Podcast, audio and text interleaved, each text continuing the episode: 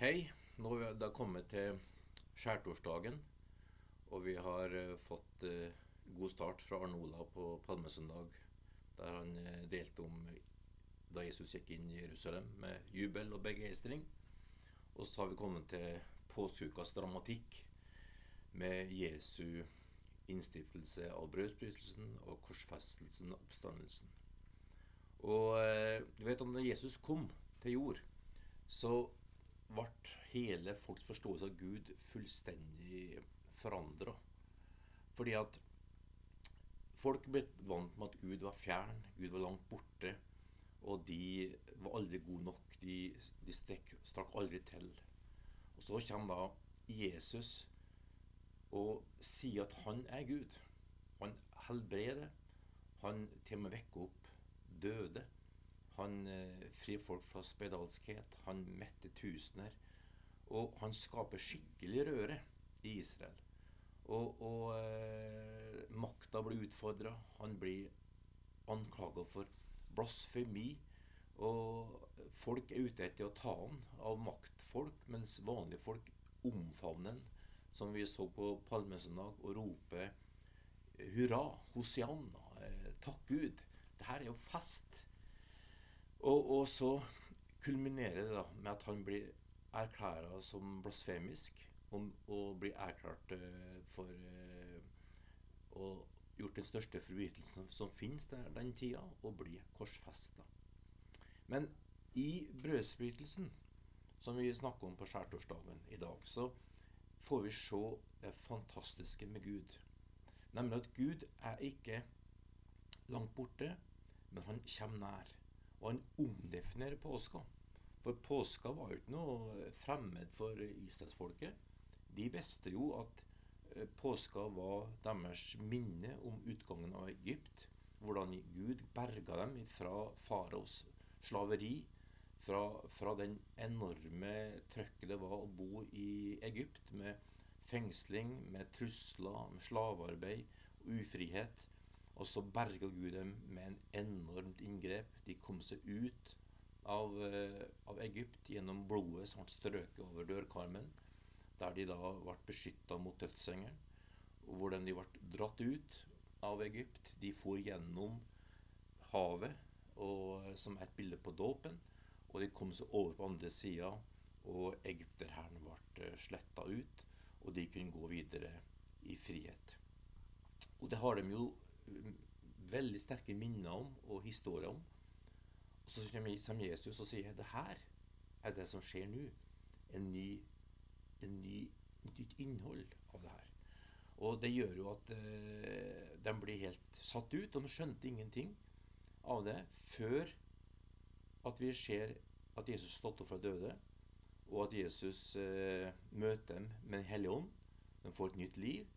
Så i Apostelgjerninger 2, 46, så ser vi at Jesus har kommet til dem og gitt dem en helt annen forståelse. For da bryter han brødet ikke en gang i året i påska og minnes utgangen av Egypt, men de bryter brødet hjemme, og de bryter ofte, og de feirer Jesus. Eh, fordi at de har skjønt at hele Bibelen handler egentlig om han. Om hans liv, om hans seier og om hans eh, triumf og deres egen erfaring av Gud. Så det her er fantastiske nyheter. Og nå skal vi eh, ta se litt på den teksten eh, som Jesus eh, ga oss rundt nattverden. Den finner vi jo både i Markus og Lukas og eh, i eh, Matteus, og også i 1. Korinterbrev kapittel 11. Nå leser vi sammen fra Lukas 22. Og Der eh, sier Jesus da på skjærtorsdagen Jeg lengtet inderlig etter å spise dette påskemåltidet med dere før jeg skal lide.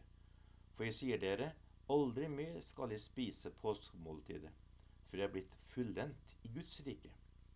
Så tok han et beger, ba takkebønnen og sa, ta dette og del det mellom dere, for jeg sier dere, fra nå av skal jeg aldri mer drikke av vintreets frukt før Guds rike er kommet.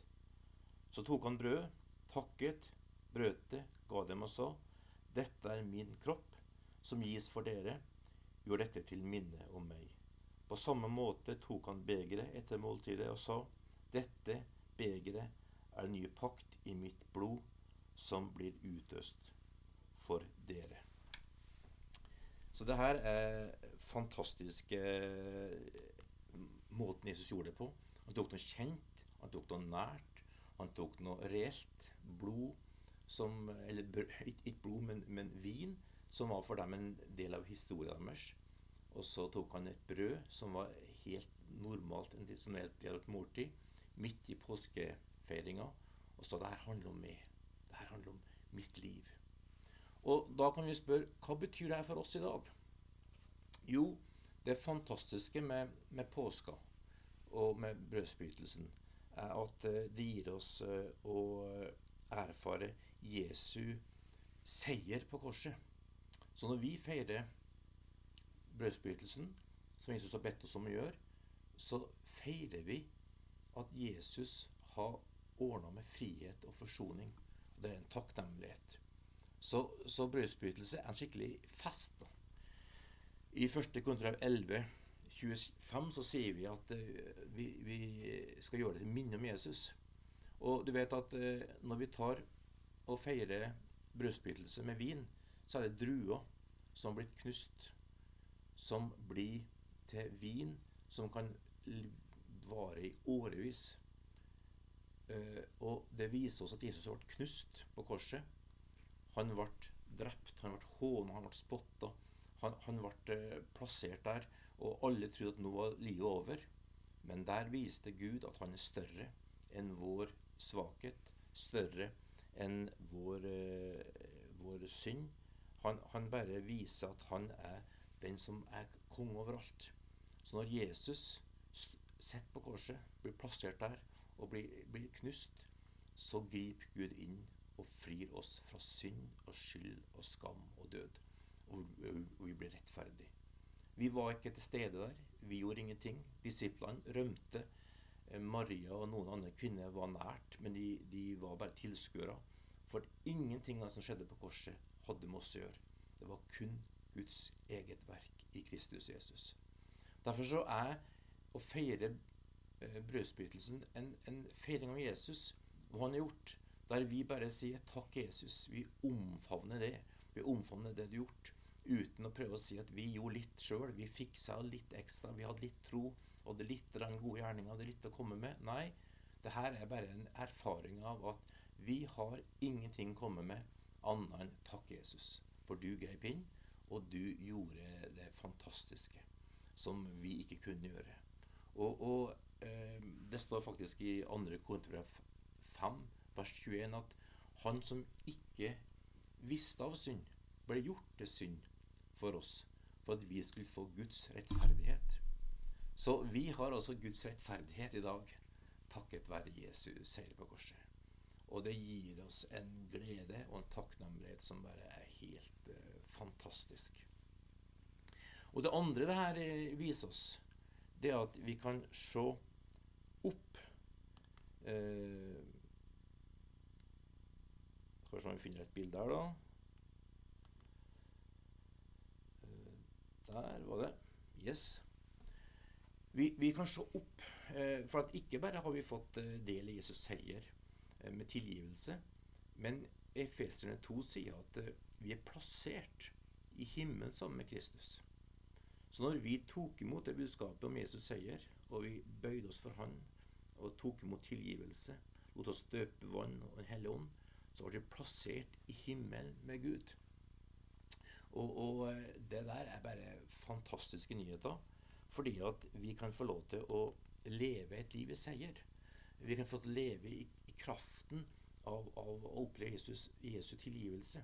Vi er ferdig med dårlig samvittighet, ferdig med skyld og skam.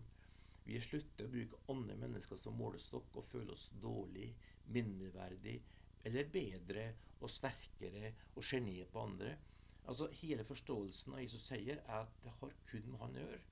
Og at vi kan få ta imot det uten forbehold, uten at vi legger noen ting til. Og da kan vi få til å leve med den seieren uansett historikk, uansett bakgrunn, uansett vår egen eh, flinkhet eller ikke-flinkhet. Vi har en seier på grunn av Jesus. Og når vi skjønner det, så skjønner vi også at, at eh, når vi opplever døden i vår egen kropp, motstand, prøvelser, så, så, kan vi få lov til å huske at når Jesus var der at døden prøvde å beseire han, så hadde Gud full kontroll. Og han kom ut med liv. Og det er det samme vi opplever når vi tar denne, denne vinen, som er et minne om at friske druer ble knust og ble til en drikk som varer lenge, lenge, lenge etter at druene har råtna. Slik er det med vårt liv. Vi har en seier. Så sjøl om vi av og til kan føle oss tråkka på, føle oss satt ut, føle at livet er tøft, livet vanskelig Nå er det koronatid, og det er krevende, vanskelig for mange. Men vi vet at Jesus seier gjelder, at den er fullkommen, og at vi har en seier som ikke er avhengig av ytre ting, for Jesus er større. Så det er fantastisk. Og så er det en tredje ting da, som det her eh, sier. Fordi når Jesus eh, av nattverden, brødsbrytelsen, så sa han at dere skal elske hverandre. Og det er tøffe ting. Det er mange, det er mange folk som ikke er verdt å elske, kan vi føle. Som ikke er verdt å sette prises på. Som vi føler kanskje er litt eh, spesiell, litt ufyselig. Faktisk eh, vi ikke helt takler. Men Jesus eh, elsker alle mennesker. Evangeliet er for alle. Og, og han faktisk eh, går langt i å få oss til å, å bli med på hans, hans eh, liv og, og, hans ferd og si Kom igjen, folkens. Elsk hverandre. Fordi at når vi skjønner det, at vi har ikke fått tak i livet her fordi vi vant mesterskapet og var flinke nok, men han ga oss det gratis så inviterer han oss inn i det fellesskapet der vi blir født inn i oss familie. Der vi kan se rundt på folk rundt oss og vite de trenger det like mye som oss. De var like lite fortjent som, sånn som oss. Ingen av oss fikk det tak i evangeliet for at vi var flinke og gode og snille. Det var kun Guds nåde. Og den nåden gjelder for alle. Derfor kan vi få lov til å legge av det her behovet for å markere avstand. Behovet for å vise at vi er bedre enn andre behovet for å, å, å tenke oss og dem, men faktisk skjønne at hele verden trenger evangeliet. Hele verden trenger å bli frelst. Det er kun én ting som gjelder Guds nåde. Og den er for alle. Og den kan vi få lov til å gi til alle pga. Jesus seier. Og da kan vi få lov til å elske og få merke at Jesu seier flyter i vår kropp, slik at vi elsker fordi at han elska oss først. Og den rausheten som skapes, den er god. Og Den vil jeg bare anbefale å omfavne i den påska her. Vær litt raus med deg sjøl. Vær litt raus med dem rundt deg. Eh, ikke la eh, et push og krav komme sigende inn som prøver å, å, å bruke Jesus sjøl som målestokk. Men bruk Jesu målestokk. Han som gir uten forbehold, og som gir uten å, å kreve, og som vi kan få lov til å ta imot og sjøl bli en kilde til livet ved Den hellige ånd. Så la Den hellige ånd denne jula her, nei, jula her, denne påska her, lov til å ta til det. Få lov til å, å, minne om Jesu nåde. Og bli litt eh, fornøyd. Ikke med det sjøl, men fornøyd med Gud. Og han gir, seg, gir det sin nåde. Og da kan du være fornøyd med det sjøl i lys av Han. Og så kan du få lov til å elske og, og være en giver og være raus. Og ikke være så, være så krevende og, og, og fortvilt pga. situasjonen som er rundt oss. For at Gud har kontroll. Vi kommer gjennom. Det kommer til å bli bra igjen. Og i veien som vi går akkurat nå, skal Gud gi oss nåde til å være full av raushet og takknemlighet og elske hverandre. Og så er det det, fjerde, og det er å eh, være litt ydmyk og se inn. Eh, 1. Korinterbrev 11 sier at vi skal prøve oss sjøl i forhold til brystbrytelse. Og, og, eh, den prøvinga det er ikke for å finne ut om vi holder mål, men det er rett og slett for å, å prøve oss på at ikke vi driver og, og, leker med å bygge på oss på vårt eget verk og, og gjøre oss sjøl til noe bedre enn alle andre. Du vet at det fins en kraft i verden som er negativ, som går på nasjonalisme og sammenligning oss dem. Og den, den pushes i mange nasjoner. Den pushes i Europa, den pushes i USA, og den pushes i forhold til Asia. Og mange land lir under nasjonalisme og, og sterke krefter som prøver å gjøre enkelte folkeslag og enkelte kulturer bedre enn andre. Men Jesus kom og skapte en kultur som favner alle mennesker. Og den kraften som kom etter evangeliet, som kom gjennom brødsbytelsen, der folk fra alle stammer, alle folk, alle nasjonaliteter samla seg rundt Kristi eget bord, den var med og skapte forandring i Europa gjennom generasjoner. Og hver gang religion kommer, så kommer pushet av å fokusere på oss, hva vi er gode på, andre ikke er gode på. Men når vi gjenoppdager brødsbytelsen, så gjenoppdager vi at vi er de vi er på Jesu nåde. Ikke for at vi har fortjent det. Så hver gang vi bryter brødet, så kan vi se på oss sjøl og si jeg har ingenting å komme med annet enn Jesu egen nåde. Jeg har ikke noen grunn til å gjøre meg bedre enn andre. Ikke grunn til å være stolt. Ikke grunn til å, å se på meg sjøl som en bedre kristen, bedre menneske. Jeg er én ting, en rettferdig person på grunn av Jesu nåde. Og det er mer enn nok, og det er fantastisk. Og det gjør oss til rause og, og, og, og, trivelige folk. Som ikke har behov for å markere og, skape urettferdighet og skape avstand. Så, så, den ydmykheten som Guds folk får gjennom å skjønne brødsbyttelse, den bare går som en farsott i verden. Den forener, den samler, den skaper et fellesskap. Og den har en kraft i seg til å skape fred og til å skape forandring. For folk lengter etter fellesskap og ikke etter avstand. Og så er det det siste som eh, brødsbrytelsen gir oss. Det er et levende håp. Du vet, vi lever i en verden som er urettferdig. Og mange føler at eh, de skulle tatt igjen og hevna seg og rydda opp og tatt skjea i egen hånd. Men for oss som tror på evangeliet, så tar vi fram brødet og vin og så feirer vi at en dag skal vi alle møtes hos Jesus, og han skal dømme alle rettferdig. Så vi tror på en dom. Og den dommen er rettferdig, og det er opp til Gud å gjøre. Det vil si at vi, vi kan leve i en ufullkommen verden uten å bli bitter, uten å, å gå rundt med hevnlyst, uten å, å, bli voldelig og ta skjea i egen hånd, fordi at vi vet at den dommen fra Jesus kommer til å komme, og den kommer til å være rettferdig for alle mennesker. Og Det betyr at uh, vi kan uh, få lov til å, å, leve med en annen styrke da, i møte med en vanskelig verden. Og vi kan få til å se framover med håp, fordi at vi vet en dag skal vi møtes hos Herren, og vi skal ha et skikkelig festmåltid. For det, det måltidet som brødspyttelsen er, ofte i forbindelse med et godt måltid og en kveldsmat, f.eks. For, eksempel. for nattverd betyr jo kveldsmat. Det er jo en, eh, det er fellesskap. Vi ser hverandre i øynene. Vi setter pris på hverandre. Vi, vi, snakker gode ting om hverandre. Vi kan be sammen. Vi kan synge sammen. Og det, det er en liten sånn forsmak på den himmelen eh, der vi skal ha et skikkelig bryllupsfest. Men det vi vet, er at det som ligger foran oss, er så mye, mye bedre. Der skal vi møte alle de som har gått foran oss. Der skal vi ha Jesus i sentrum. Der skal vi få lov til å oppleve at sorg og savn og smerte er for alltid borte. Og det kommer til å bli et festmåltid som bare er, slår alle gode gourmetmåltid vi har vært gjennom i verden. Men hver gang vi spiser sammen og kjenner det fellesskapet sammen, så, så, snakker vi inn i vårt eget eh, liv og, og forkynner håp og forkynner en framtid som ligger foran oss, som er bare helt fantastisk. Så, så, hver gang vi bryter brødet, så, så, gir det oss kraft til å stå imot utfordringer som prøver å pushe oss ned. Det gir oss kraft til å stå opp og se framover og vite en dag skal dette måltidet her være et skikkelig festmåltid uten sorg og savn og smerte.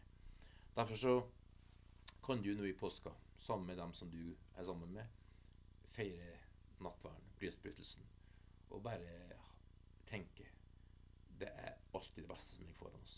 Det er alltid det bedre som ligger foran oss enn det som har vært. Fordi at Jesu verk på korset, som starta prosessen av Guds rikes liv, som bare tenkte seg på i verden, det kommer sterkere. Det kommer sterkere det kommer sterkere. Helt til det kulminerer i Guds rike for evig. Derfor så er vi nostalgisk. Derfor så ser vi ikke tilbake og håper på at gamle dager skal komme tilbake. Nei da, vi ser framover. Det kommer til å bli bedre. Og det kommer til å kulminere med et skikkelig festmål til himmelen for alle som tror. Så ta det her eh, brødspytsen sammen med dine i, nå i påska, enten i dag eller senere i påska. Og når du har sjansen å gjøre det, og, og bare løft fram Jesus. Han er Herre. Han er vår rettferdighet. Han er vår forløser. Han er vår konge. Han gir oss håp. Og han gir oss å se framover med en skikkelig forventning til hva vi skal få oppleve framover. Og la det her prege det, slik at ikke du blir blant de som bare bringer klaging og sutring til verden den tida vi lever i nå. Den tida vi lever i nå, trenger håp og styrke og liv. Og det får vi i møte med Jesus og hverandre rundt brødspyttelsen. Så Gud velsigne og ha ei riktig god påske.